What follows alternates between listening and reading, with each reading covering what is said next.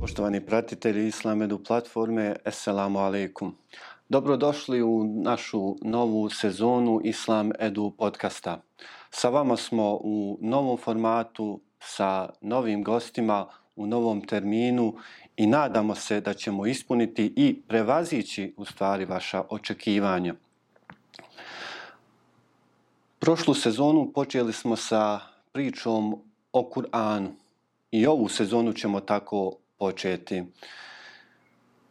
Sa nama je, poštovani pratitelji, Dženan Smajić, magistar arapskog jezika i književnosti. Jedno mlado lice i zadovoljstvo nam je da upravo on bude naš prvi gost. Sa njim ćemo upravo razgovarati o Kur'anu, Mushafu i svim drugim bliskim temama. Dženan, eselamu alaikum i dobro došao u naš podcast. Alaikum selam i hvala na poziv prije svega. Evo, mi se nećemo toliko osvrtati ni na tvoju biografiju, ni na te neke detalje. Pokušat ćemo da nekako pređemo uh, direktno na sve ove teme. Ono što evo i, i bilo bi dobro da i naši uh, gledaoci, slušatelji da, da znaju jeste da si ti o temama Kur'ana, o temama Mushafa, ovo posebno naglašavam, dosta pisao i na svom blogu. Zanimljivo je da si u takvom jednom formatu, forma, format bloga, iznio e, tekstove, dakle na blogu Orientologija, e, iznio tekstove koji nisu e, čiste esejske prirode, koji nemaju tek tako uh, uh, skroz opuštenu formu, nego su to tekstovi u kojima obiluje dosta struke. I kada sam već, evo, kada spominjem uh, struku, uočljivo je da tvoje bavljenje arapskim jezikom nadilazi upravo tu tvoju struku. I jasno je da nadilazi ono osnovno bavljenje arapskim tekstom. E sad, kada govorimo o tekstu, govorimo o običnom tekstu sa malim t i govorimo o kuranskom tekstu, onom tekstu sa velikim uh, t. Kako objašnjavaš svoju vezanost za tekst, za tekst i uopće dakle, uh, svoj doživljaj jezika? Eh, da krenemo, jel? Ove, ovaj, što se tiče prvo bloga, Orientologija blog sam ja prvo bio zapravo zamislio nekad tamo 2016. i 15. čini mi se godine, da to ide, da, da otprilike pišem različite teme po sredi islamske tradicije, ali nisam imao tačno tada baš ideju šta tačno da pišem, u kom pravcu da se krećem. Tako da sam ja smatrao da je format bloga mi idealan, prevashodno zato što mi je pružao priliku da ja mogu da se razvijam spontano na jedan način, dakle, uh, da sad pišem jednu temu, sutra drugu temu, dok ja ne vidim šta u suštini prvo meni odgovara i šta bi ja htio da, da konkretno pišem. I da bude interesantno, sad kad bi pogledao arhivu bloga te neke godine, 2015. 16. 17. otprilike tu arhivu ja nešto ne smatram, Bog zna, ozbiljnom, ali jeste mi bila značajna zato što me usmjerila gdje da se krećem. Bilo je tu svega različite tematike, ali e, tada ja uopće nisam razmišljao o ortografiji mm -hmm. Kur'ana, nisam uopće razmišljao o ranim prepisima Mushafa. Zapravo to apsolutno mi nije bilo na umu. Ali niti sam se time konkretno bavio. A dakle, ja sam studirao arapski jezik, ja sam se bavio arapskim jezikom, ja sam se bavio jezikom, ali se nisam bavio ranim prepisima Mushafa i nisam se bavio ranim pis arapskim pismom. Iako a, na studiju samom, djelomično se dotičeš i baviš arapskim pismom, historijatom, ima i naš rahmetli uvaženi Teufik Muftić je mhm. napisao i jednu knjigu o historiji arapskog pisma, ali sve je to bilo tada naprosto na jedan način za mene neshvatljivo zašto bi baš se nešto sa time detaljnije bavio nisam smatrao da mi to može pružati neko izrazito intelektualno ovaj, zadovoljstvo. Smatrao sam da je to nešto što je prevaziđeno, što je vrlo, ono, baš početak jezika. Znači, naučiš slova, eto da vidiš kako se to razvijalo i hajmo ovaj, dalje na neke ozbiljnije teme. Međutim, o, mislim da je to bila 2019. godina, 18-19, ali primarno od 2019. godine, upravo tako što sam se kretao od teksta s malo t prema tekstu s velikom t, dakle, i sam sam na jedan način, dakle, malo da kažem, blog uređivao na divlji način. Kad kažem divlji, dakle, imao sam tu slobodu spontanosti da što mi se dopadne, što ja, smislim, što ja smatram, smislim da je vrlo interesantno možda za još nekoga da se upozna s tim, onda sam dozvoljavao sebi da o tome pišem na blogu.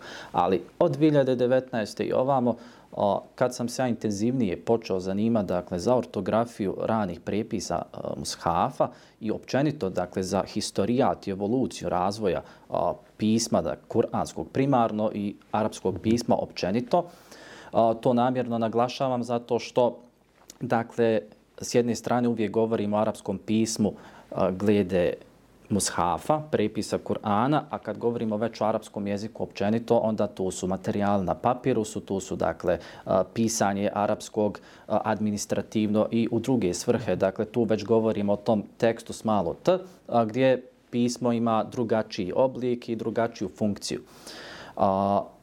Tad nekad ja od prilike se počnem vrlo po, poprilično, poprilično ozbiljnije time zanimati tad, tad u stvari počinje baš jezik onako doživljavati na jedan zaseban način. E, kako, kakav je to način i kako sam ga počeo posebno doživljavati jeste iz razloga što a, dakle ranije neko moje doživljaj jezika je bio otprilike a, pa vrlo preskriptivan. Znaš, mhm. jezik je a, standardan, jezik je jedna monolitna cijelina, a, učiš pravila. Do neke mjere jezik je vrlo kao egzaktan, imaš striktne norme, striktna pravila, njih koristiš kada pišeš, po njima govoriš, komuniciraš i to je to. Ne čini se dinamičan kao što jeste. Jeste, dakle, upravo, barem takav je moj bio doživljaj, ali mislim i u razgovoru s drugim ljudima i kroz uh, obrazovanje, da dosta, dosta postoji neka svijest da je jezik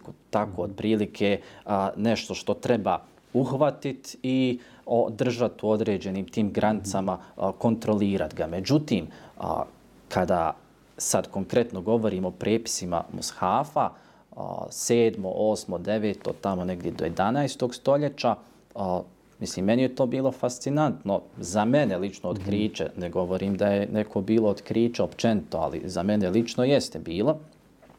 Dakle, jezik, evo da kažem, jezik mushafa. S jedne strane, mi smo navikli, ja, to, ja taj termin sam počeo koristiti, možda je adekvatan, možda nije adekvatan. Kažem da mi a, uživamo u čitanju mushafa koji već predstavlja industrijski proizvod mm -hmm. a, mushafa. To su otprilike, to je znači taj neki period od 11. stoljeća pa sve do danas. A, šta mislim po tim industrijski? Dakle, to je neki period, može se reći 1001. godina, a, kad imamo prijepis mushafa Ibn, Ibn al-Bawaba. Mm -hmm. imamo njegov prijepis mushafa kompletan, ali to je prepis mushafa koji je puno, puno, puno bliži dakle onome što mi danas imamo u smislu.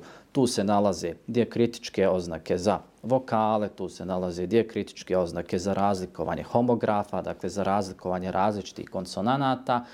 To je naprosto dakle tekst kojeg ti kada čitaš ne možeš da a, uopće ideš u ovom ili onom pravcu. Mm. Dakle, tekst je već gotov u smislu a, on je potpuno, ajde ja ću potrebiti termin, dekodiran. A, mm. Dakle, to je potpuno, dakle, tekst je pred tobom i ti ako čitaš taj tekst, o, ne možeš čitati, ne znam, određen glagol sad u pasivu ili ovako, dakle, onako u pasivu, sve ti je označeno da je on u pasivu. Mm. A, rani prepsi mushafa, vjerovatno vam je poznato, dakle nije bila takva situacija. A, to su poprilično i što naša ulema i u tradicionalnoj literaturi se koriste. Dakle, pojmovi, a, to su kuranski tekst je ogoljen kuranski tekst je dakle prost. Kad se kaže prost, ne misli se u smislu dakle sadržaja, nego je prost u smislu da tu ne postoje mehanizmi poput označavanja vokala, ne postoji mehanizmi ili barem ne postoje znatno u znatnoj mjeri oznake za razlikovanje homografa. Postoji skelet.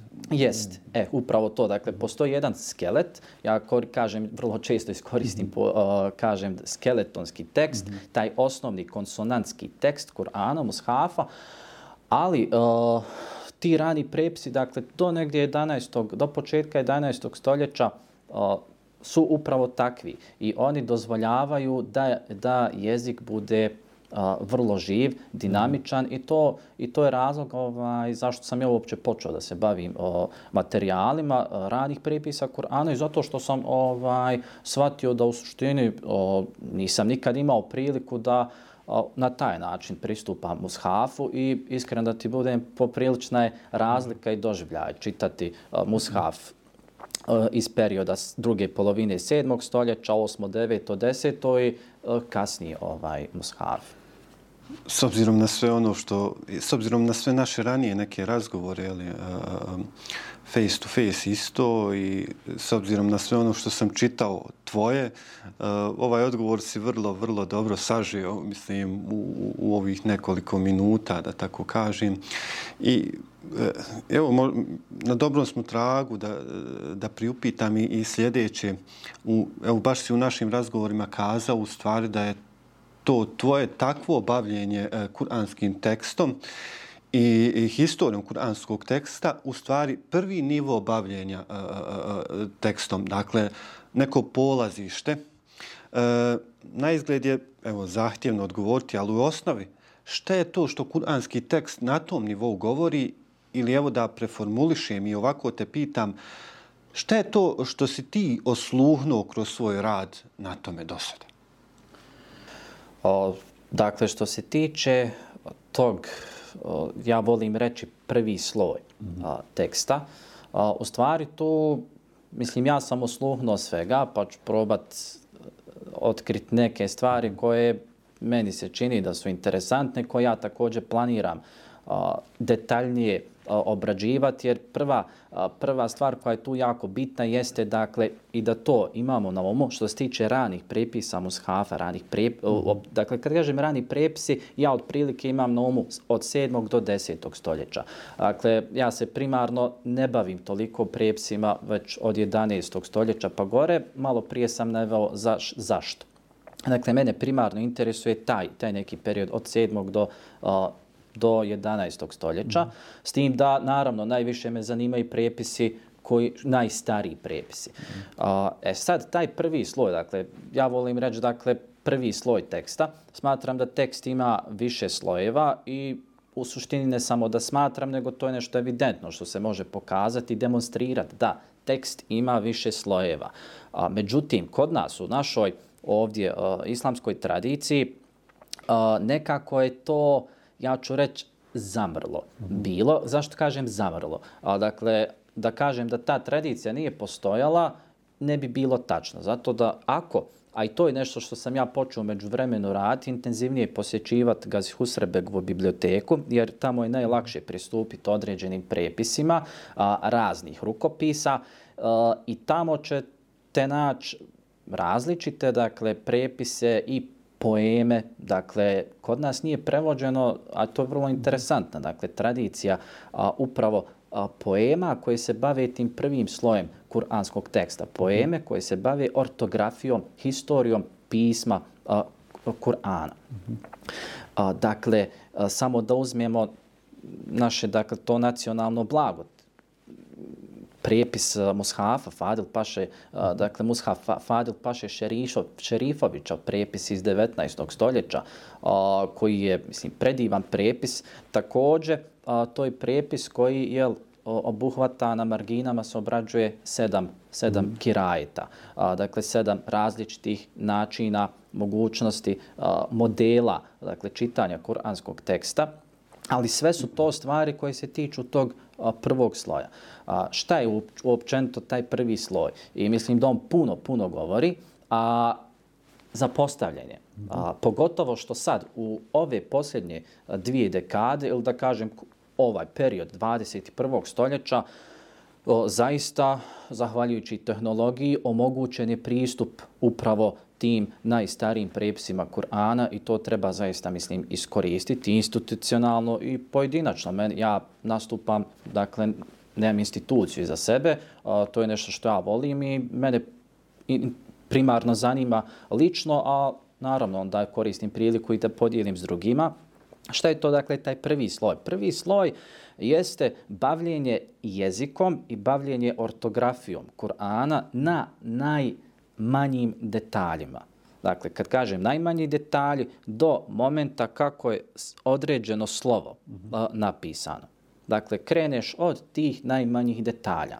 Mi smo uglavnom naučeni i bavimo se drugim slojevima. Dakle, bavimo se tefsirom, tumačenjem, interpretiranjem, raznim, dakle, drugim nivoima teksta, ali vrlo, vrlo malo se bavimo tim početnim, dakle osnovnim slojem, da uopće, evo ne znam, kad ste se vi zadnji put a, zapitali, kad ste uzeli mushav, zašto je baš ova riječ napisana na ovaj način? Da, vraćamo se na ono što, što si kazao, jel, korištenje tog gotovog proizvoda, da tako kažem, Jest. ne razmišljam, kao i u svemu, mislim, uh, malo kad se pitamo, je li od čega je olovka napravljena ili, ili nešto tako. E, upravo, dakle, e, to je e, prvi taj sloj teksta upravo služi i ja ga koristim kako bi prikazao kakav kompletan dakle sistem a, postoji a, iza tog konačnog proizvoda. Dakle, šta je sve stojalo, kako je uopćenito bila historija i šta je sve trebalo uložiti, šta se sve može naučiti iz toga.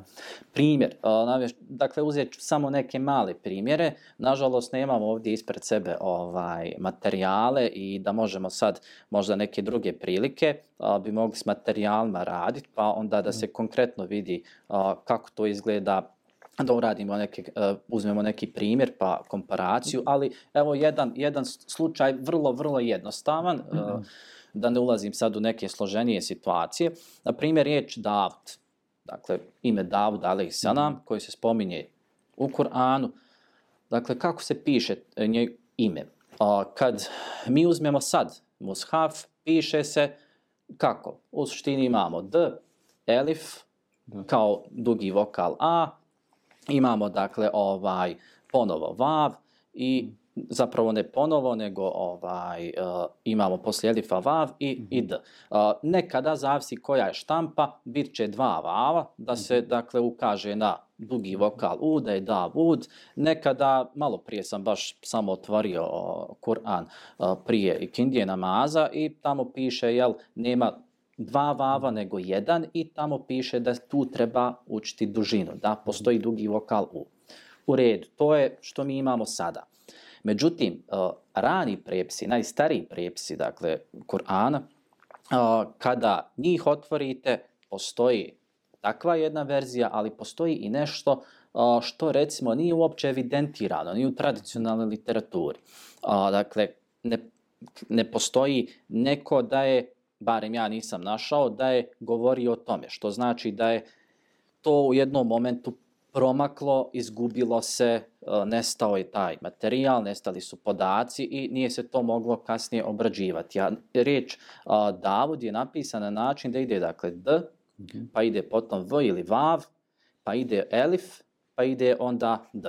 A, e, šta se tu sad dobije? Mislim, a, možemo govoriti da je možda ovdje Vav, kao nosilac hemzeta, pa dobijemo duad, a, ne ulazeći sada dakle u o, detaljno šta bi moglo biti ili, i, ili šta nije, da izbacimo mogućnosti koje nisu, da ostavimo ono što bi možda moglo biti. Ono što, dakle, hoću kazati, to je taj neki prvi sloj.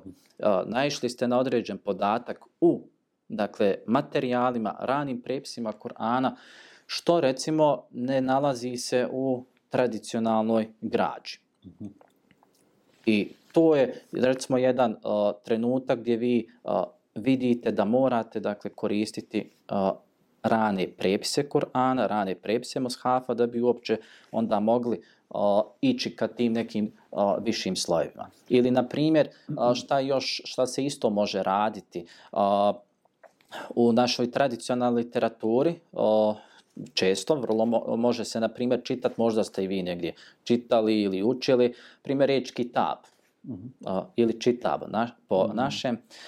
Uh, negdje ćete učiti ili slušati predavanje kako se riječ kitab generalno u mushafu piše bez elifa, izuzev na četiri mjesta. I to recimo spominje i Eldani, spominju i još neki drugi vrlo eminentni autori, ali recimo kad otvorite rane prepise Moshafa, vidite da recimo imate prepisa gdje je riječ kitab, apsolutno na svim mjestima je bez, bez elifa. A, to je isto vrlo interesantno kad sad otvorite određenu a, tradicionalnu literaturu, a, recimo Alemudin Sehavi. Alemudin Sehavi, na primjer, piše kritički osvrt na neke ranije a, autore zato što je on došao u priliku da koristi neke stare prepise i u njima je vidio da nije takva situacija, da to nije nužno pravilo da se na četiri mjesta u Mushafu specifična riječ kitab mora pisati selifom. Uh -huh. uh, dakle, čak uh, u našoj tradicionalnoj literaturi postoji dakle autori koji revidiraju određena svoja mišljenja o ortografiji Kur'ana kada dođu u susret sa nekim njima do tada poznatim najstarijim prepisima.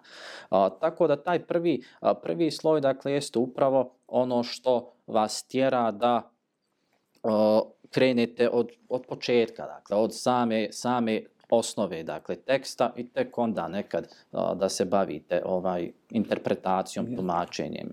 I, I svega ovoga što se kazao u stvari od tog polazne, od takve polazne tačke mi u stvari idemo jeli, ka, ka, evo, ka semantičkim nivoima, ka svemu tome.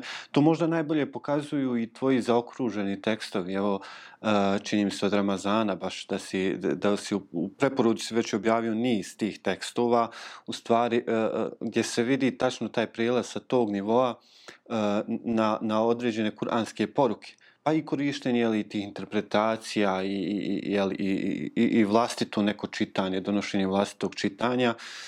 E, evo kad, kada već i to spominjemo, kada spominjemo tu polaznu tačku, kada smo 2013. došli na Fakulte islamskih nauka, tada smo, e, bili smo prva generacija koja je dobila predmet historija kuranskog teksta u stvari radili smo po knjizi koju je profesor u to doba prevodio i ona će izaći, nim se, mi smo i završili, čitali smo je i, i, i čitavali, po njoj polagali ispit i kasnije ćemo u stvari onaj, dobiti El, El Kalemi, izdao historija kuranskog teksta od Eazamija.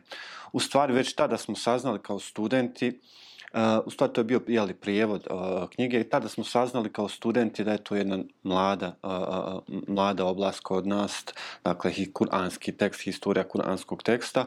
Evo skoro smo dobili i, i neprolazni Kur'an, prijevod također, uh, 40 stranica uh, teksta i, i uh, mnoge tabele, mnogo više tabela i prikaza i primjera teksta. Uh, kakva je tvoja ocjena dosadašnjeg bavljenja historijom kuranskog teksta u, u, kod nas, u našim naučnim krugovima? Nazire li se svakako sa tvojim doprinosom uh, neki ozbiljan obris bavljenja ovom oblašću? Dakle, prvo da uh, odgovorim na ovaj dio vezano za uh, taj prelazak sa prvog mm -hmm. sloja teksta na neki viši nivo semantičke obrade mm -hmm. teksta. Na primjer, uh, mislim da je odličan uh, slučaj uh, sura Al-An'am.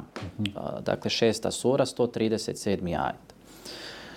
Uh, to je ajet kojeg mi uglavnom čitamo u varijanti, uh, jednoj jeli, varijanti, kod nas po Hafsu. Međutim, riječ je dakle o ajetu 6, 137 je vrlo interesantan slučaj. Sad o tome bi mogli zasebno dakle napraviti kompletno jedno a, predavanje, ali samo ću ukratko.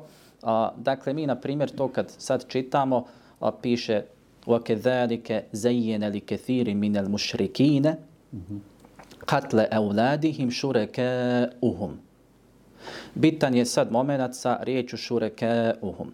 Dakle, riječ o ajtu gdje se govori o jednom gnusnom ritualu, tradiciji ubijanja djece. A, ovdje se o ajtu konkretno dakle, govori o tome da su mnogobožcima taj ritual, tu gnusnu o, ideju, gnusnu tradiciju ubijanja djece, takvu jednu tradiciju o, Kur'an dakle osuđuje, a potom a, dakle govori da su primarni krivci ne oni koji su činili taj zločin, nego oni koji su pozivali tom zločinu, odnosno oni koji su ukrašavali taj zločin na različite načine a, pokušavali da tu tradiciju predstave nekim lijepim jeli, riječima, a, a u suštini je iza toga riječ o jednom konkretnom čistom a, zločinu.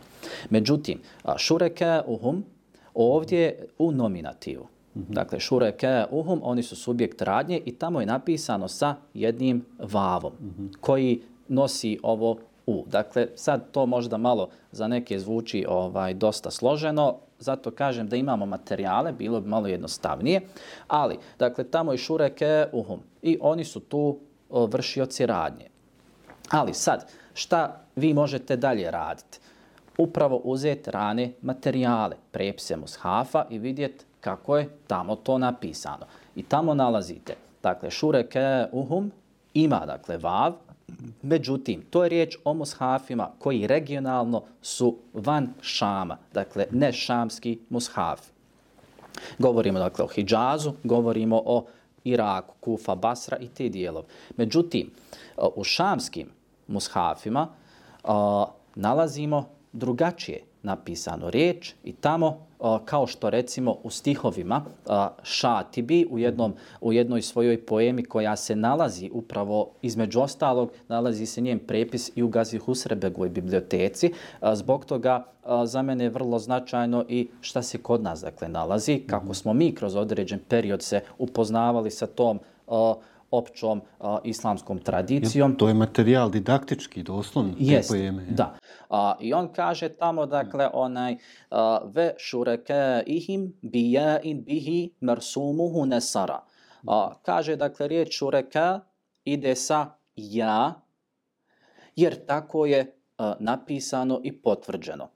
A, u drugoj on poemi govori još detaljnije u poznato je u svojoj šatibi, a, on govori i upravo o tome da je to specifično za Šam. Mhm. Dakle, tamo se tako piše. On tako a, prenosi dakle, generacijski. I sad, kad otvorimo rane prepise, upravo imaju te dvije stvari evidentirane, ali ima još jedna evidentirana, a koja nema dakle, u a, našoj literaturi, jer Kažem, vrlo je bitno imati na umu da i autori koji pišu o razvoju historiji kuranskog teksta nisu imali sve podatke, nisu imali sve informacije ispred sebe. Mm -hmm. I recimo u jednom prepisu, dakle, Kur'ana, jedan od najstarijih prepisa, kodeks Parisino Petropolitanus, tamo se riječ šureka uhum je napisana šureka hum. Nema ni vav, nema ni ja. Zašto? Zato što, vjerovatno, ideja iza toga stajala, pošto može se čitati i na jedan i na drugi način, ostavit ćemo ovako, šureka hum. Pa, neko, jer ne, moramo imati isto na umu, jako bitno, Kur'an je nastao i uh, sazrio u oralnoj tradiciji. To možemo kasnije malo o tome mm. govoriti, ali to je jako bitno. A, dakle, on počiva u ambijentu oralne tradicije. I recimo, u Kirajtu ibn Amira, dakle, šamski Kirajt, a, riječ šureke uhum se čita šureke, dakle, šureke ihim.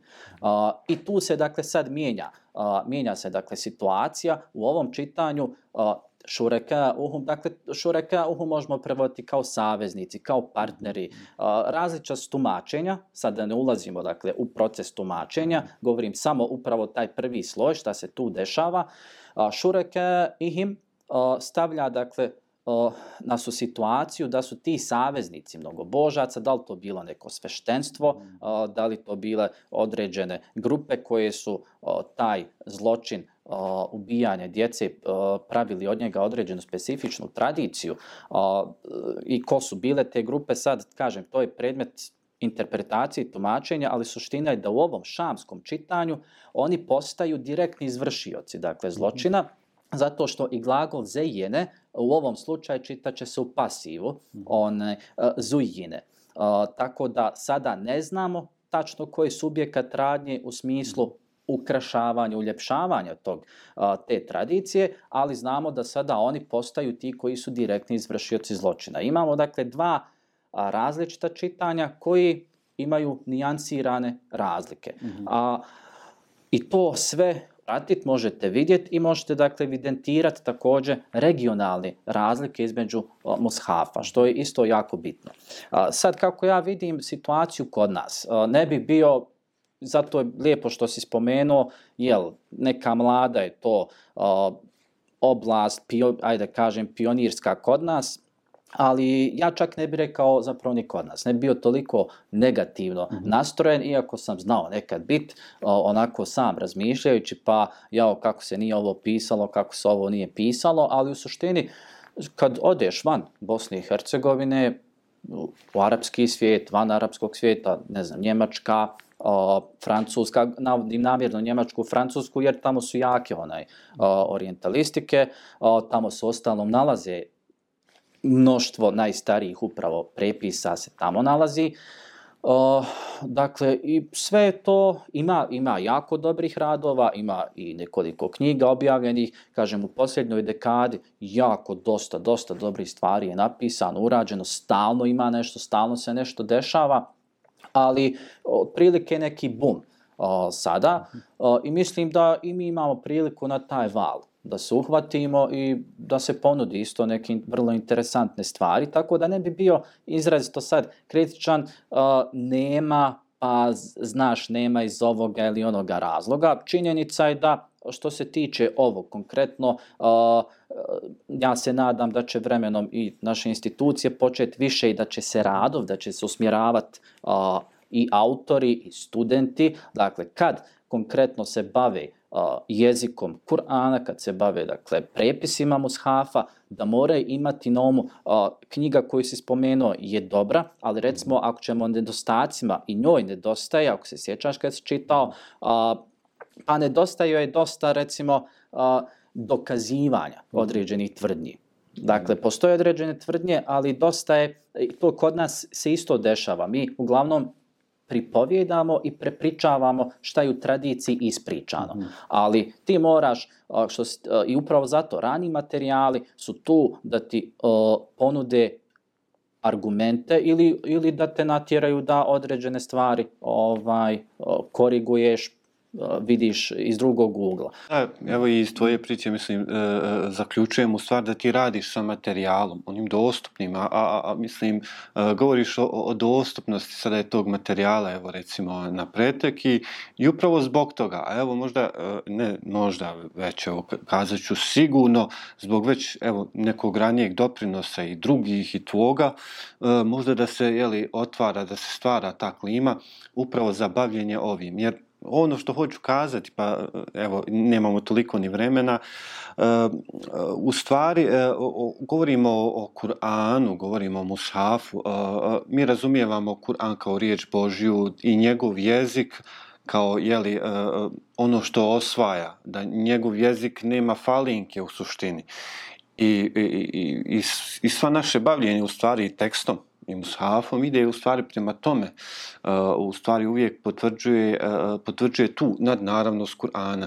Ja bih volio sada otvoriti tu temu, ali morat ćemo jeli, uh, eh, već stati ovdje upravo o tom, o tom jeziku koji se tiče jeli, interpretacije i čitanja i svega toga.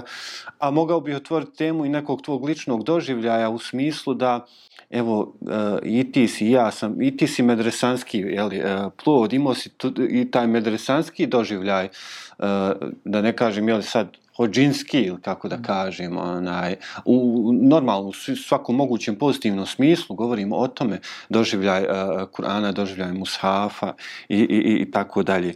No, evo, uh, nećemo puno zalaziti, ali evo, spominjemo svo vrijeme i razumijevanje.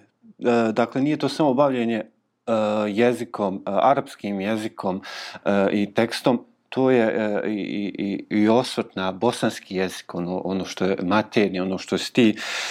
Kako doživljavaš vezu a vezan si za zavičaj, zavičaja i maternijeg jezika i u tom kontekstu evo odnosa sa razumijevanjem kuranskog teksta. Dakle, taj neki odnos između toga. Da. A, malo prije sam spomenuo da upravo mene jako interesuje ne samo da se bavim ortografijom rani prepisa Mushafa, mm. nego me zanima i pokušavam doći do što više materijala koji se nalaze ovdje. Mm -hmm. Dakle, u tom nekom jel, mom zavičaju, a, primarno sad je to Sarajevo, ali generalno zanima me učento šta se sve što se tiče ortografije Kur'ana uopće nalazi po našim da li bibliotekama, da li nekim drugim ustanovama, jer nije to kod nas još uvijek uh, sređeno na, na takvom nivou da tačno uvijek znaš gdje se šta uh, nalazi i pristup nije svugdje ovaj isti. Uh, međutim, uh, što se tiče nekog mog najljepšeg uh, doživljaja uh, vezano za mushaf i proučavanje, dakle, te, tih ranih prepisa mushafa, a da konkretno a, ima upravo a, veliku, veliku vezu s mojim zavičajem, jeste taj sam doživljaj jezika što, što si me ranije pitao, a to počinje od prilike a, tamo 2008. nekad e, godine, 2009. godine, kad ću ja završiti medresu, otiću u Egipat, a, i tad sam dobio najljepši poklon. A, s tim da tad sam dobio najljepši poklon, ne znam baš da sam ga tada tako striktno doživljavao, jest mi bilo drago, ali sad to mogu baš reći da je to bio uh, definitivno najljepši poklon i to je bio unutar porodični poklon. Dajđa mi je dakle, poklonio uh, štampu Kur'ana uh, koju je djed Rahmetli kupio u Sarajevu 1927. godine. Uh, nažalost, djeda Rahmetli nisam ovaj, imao priliku poznat, ali tad sam i kad sam otišao u Egipat, počeo zapravo isto razmišljati posebno u ovim posljednje 3-4 godine, počeo sam razmišljati u stvari koliko kada govorimo o mushafu, kada govorimo o, o Kur'anu, nekad zaboravljamo da pristupimo Kur'anu također i, i prepisima mushafa kroz, kroz taj neki naš zavičaj, naš identitet, Uh, tad sam u stvari shvatio, jel, moj djed Rahmetli 1927. išao i kupio štampu nekoga ovaj Korana, koliko u stvari to prisutno u našoj tradiciji sam Kur'an i koliko je značajno kulturološki. Mm -hmm. Tako da za mene bitno s jedne strane ima taj vjerski, da kažem, ovaj vjerska komponenta, a, vjerski sadržaj koji je važan, ali a, neovisno o tome postoji jako bitno taj kulturološki mm. ovaj moment.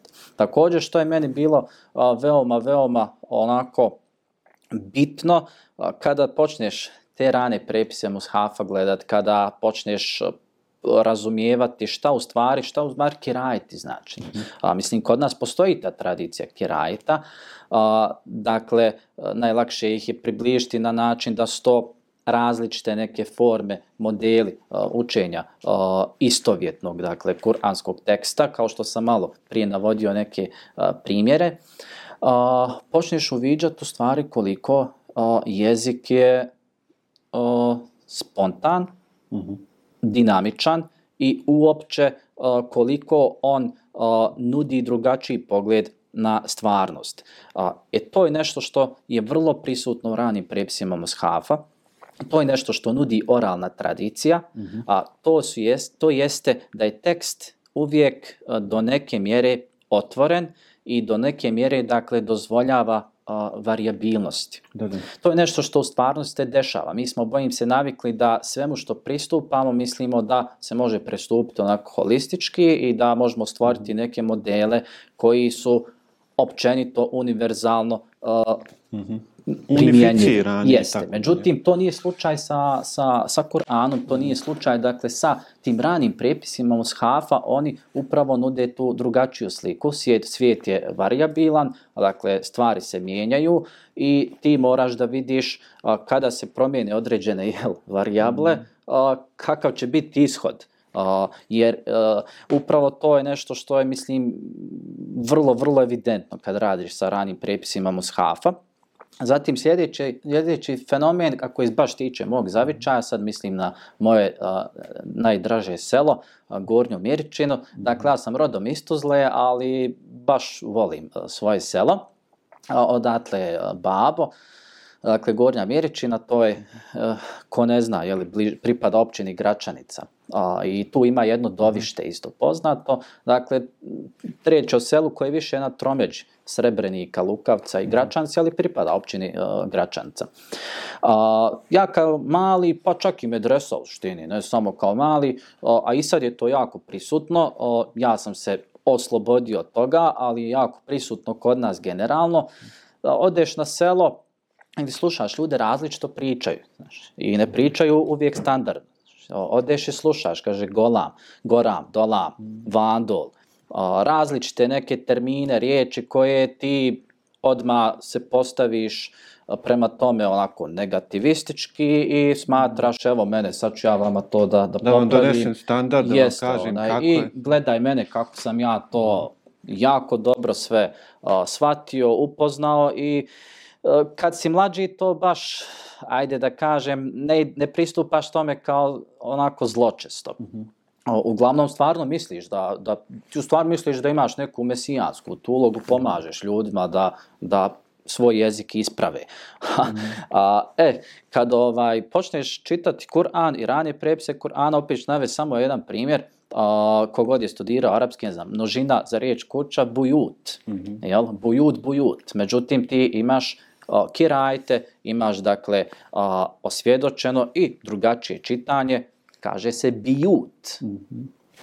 Sad, da ne ulazim u druge neke fenomene, upravo zato isto jako interesantno proučavati rane prijepise Mushafa, mogla bi se raditi jako dobra komparacija za one koji se bave arapskim jezikom a, između a, stvari koje su, recimo, nalaze se u prijepisima Mushafa 8. 9. stoljeće, a iste stvari nalazimo u današnjim dijalektima arapskog jezika. Dakle, neki fenomeni koji su preživjeli hiljadu i plus godina, ali su prisutni u dijalektima, nisu prisutni u standardnom jeziku.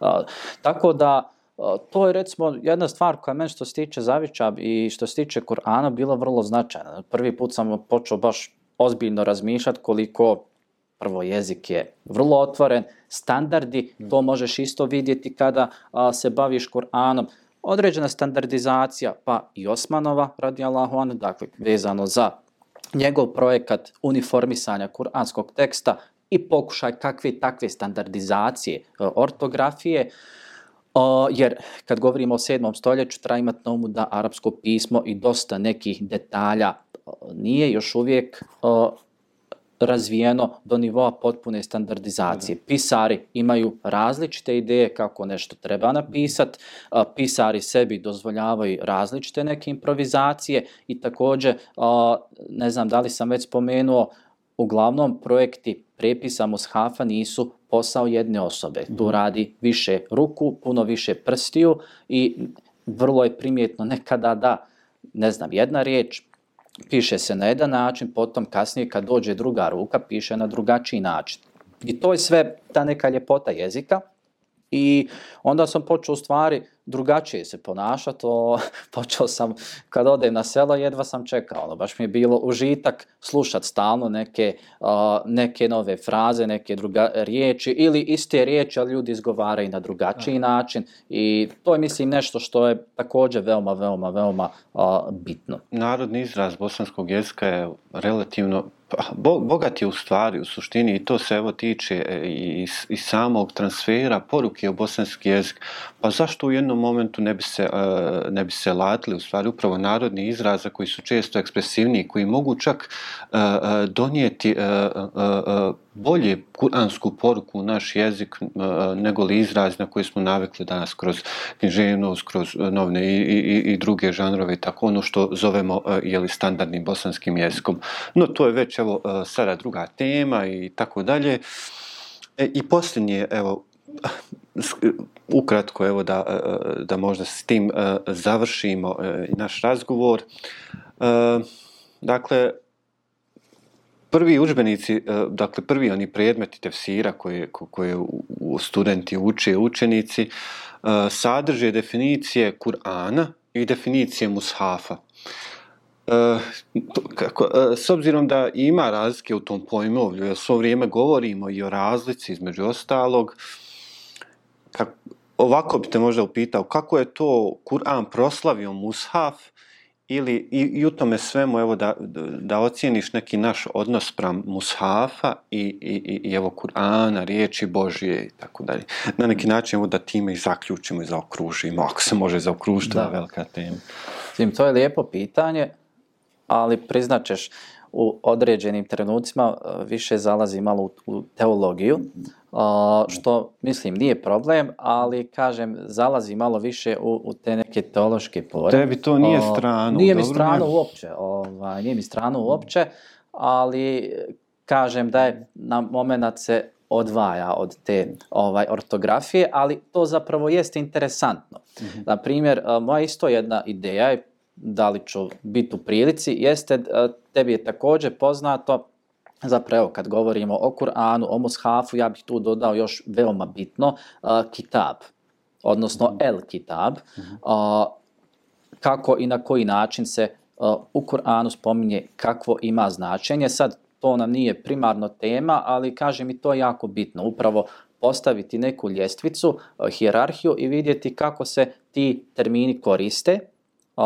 dakle vidjeti kako se koristi u Kur'anu, a potom vidjeti kako se koriste kasnije, dakle od autora do autora, kako se koristi pojam El Kitab, kako se koristi pojam Kur'ana, šta se pod njim sve podrazumijeva i na kraj taj termin mushaf. A, s tim da, na primjer, a, upravo kad dođemo do mushafa, veoma je zanimljivo da mushaf nije termin i pojam koji je prisutan samo u islamskoj tradiciji. Mm -hmm. U 9. stoljeću mushaf se javlja i kao pojam u judaističkoj tradiciji. Mm -hmm. A, tako da mushaf je tu jedan puno općeniti pojam.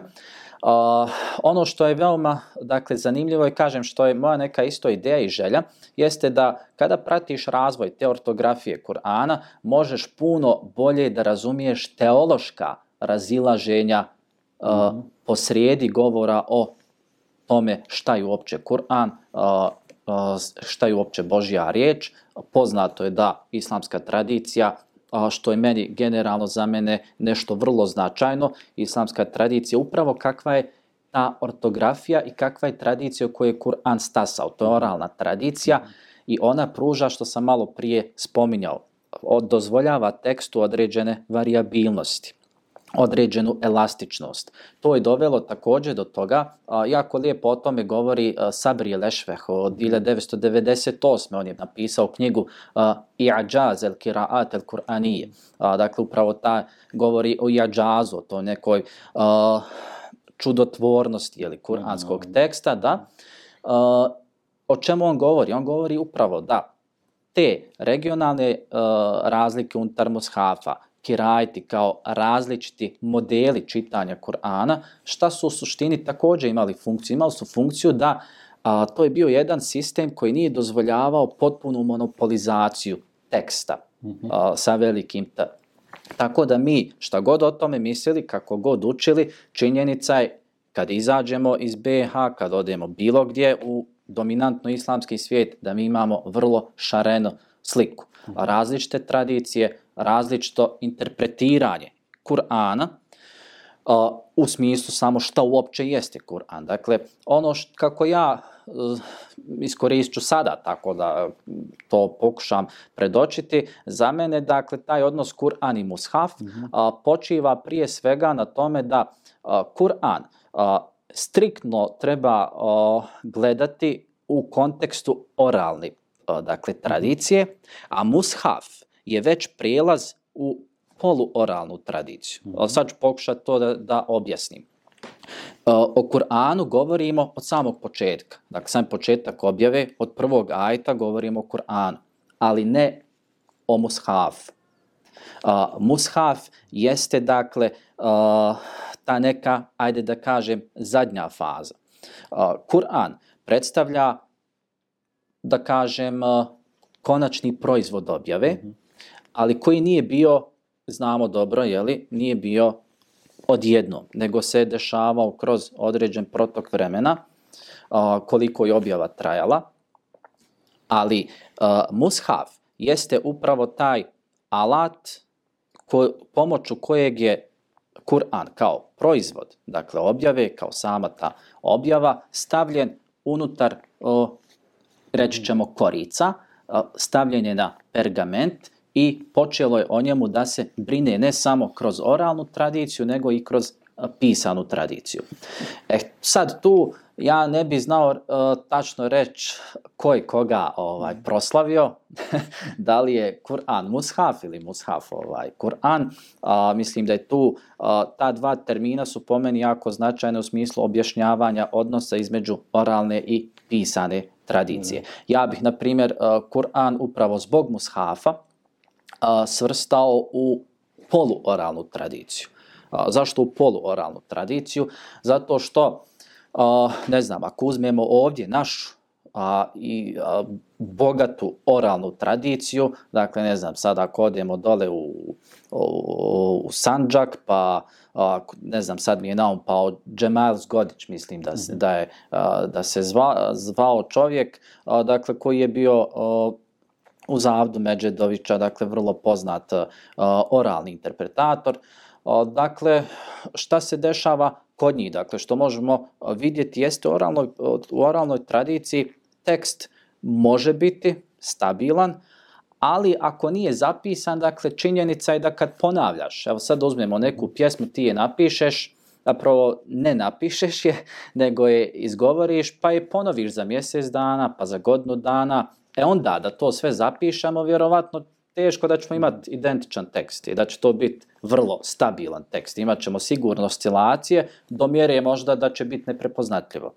A to su bile neke opasnosti a, oralne tradicije, ovdje ipak govorimo o objavi, a, tako da rana muslimanska zajednica sigurno nije mogla sebi dozvoliti da kalkuliše s time da se Kur'an samo prenosi oralno, pa sad šta će biti za 100, 200, 300, 400 godina, a, vrlo je upitno. Dakle, a, religija ima u sebi, dakle ne samo islam, nego religija općenito, ima te moćne mehanizme suočavanja sa različitim rizicima.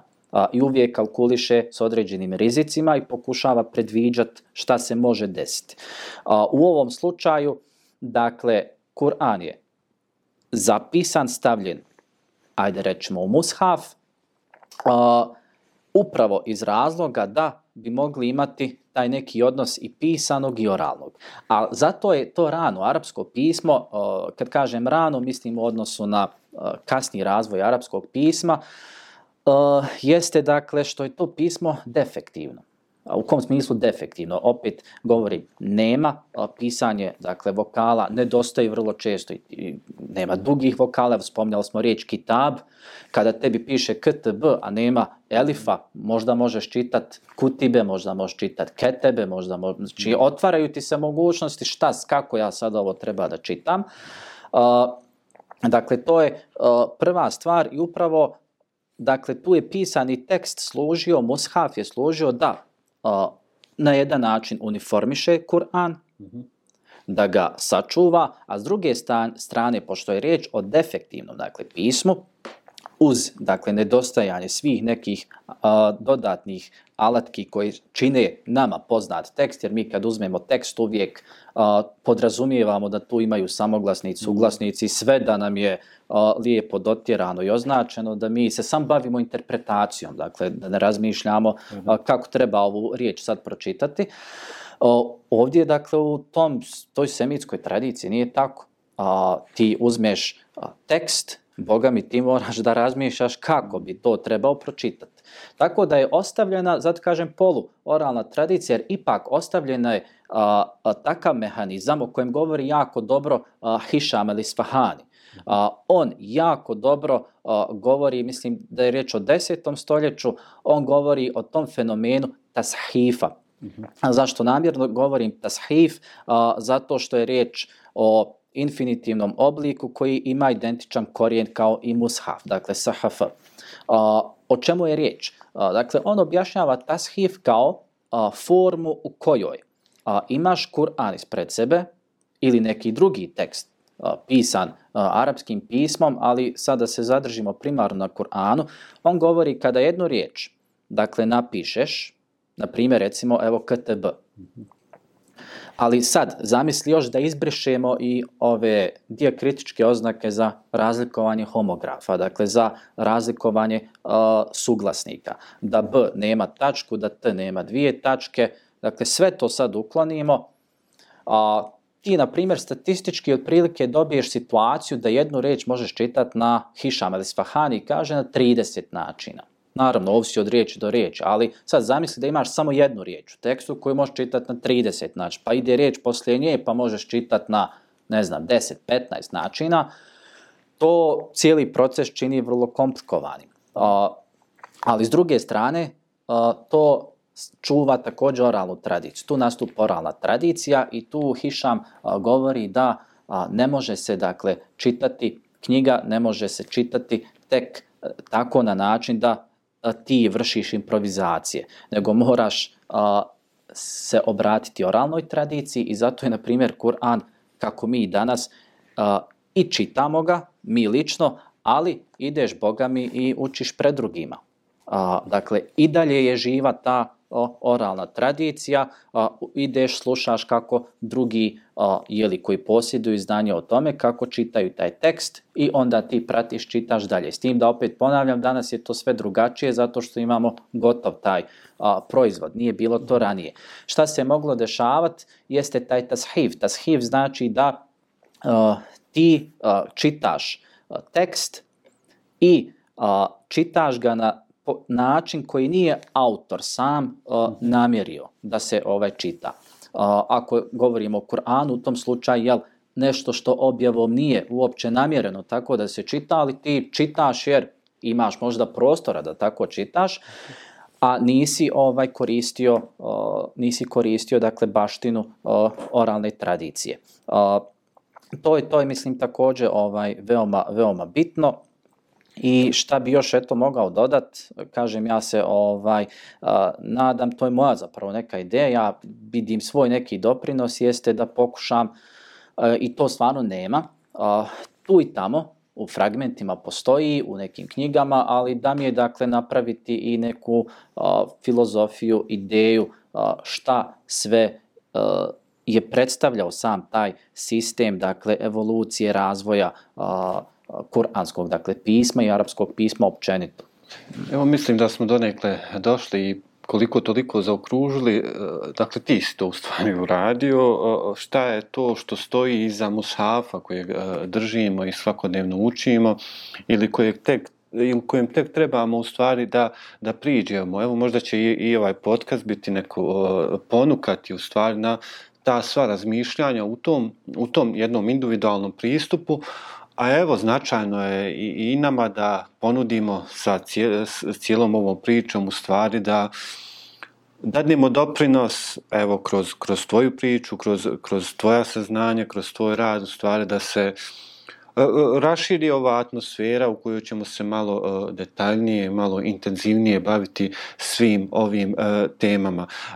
Da, kako, evo, možda kad bi pojednostavili da da vidimo u stvari e, zbog čega to, evo upravo ja znam i u uvodu ove svoje knjige Neprolazni Kur'an kaže, da bi, o, o, parafraziram, da svi ostali tekstovi bi u suštini, oni ljudski tekstovi, isparili, e, nestali i tako dalje, ali postoji jedan tekst kojim se ne može dogoditi tak, takvo nešto, koji ne može proći takvu kušnju, a evo vidimo, jeli, govorimo o, o kuranskom u tekstu i vraćamo se na ono, Božje obećanje da će on čuvati Kur'an, jel? E, imamo i to, tako da e, nekako završimo i na toj temi, ali evo, e, drago nam je da, da, da smo na neki način malo raskrili vrata svih tih procesa. I čini mi se kao da te e, naprasno prekidam, ali morat ćemo završiti. Dženane, bilo mi je zadovoljstvo i hvala ti mnogo. Ništa, hvala vama na pozivu.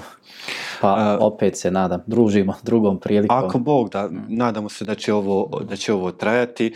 A poštovani pratitelji Islam Edu platforme i našeg podcasta, nadam se da će, e, nadamo se da ćete i vi uz nas ostati u našim narednim epizodama. Assalamu alaikum.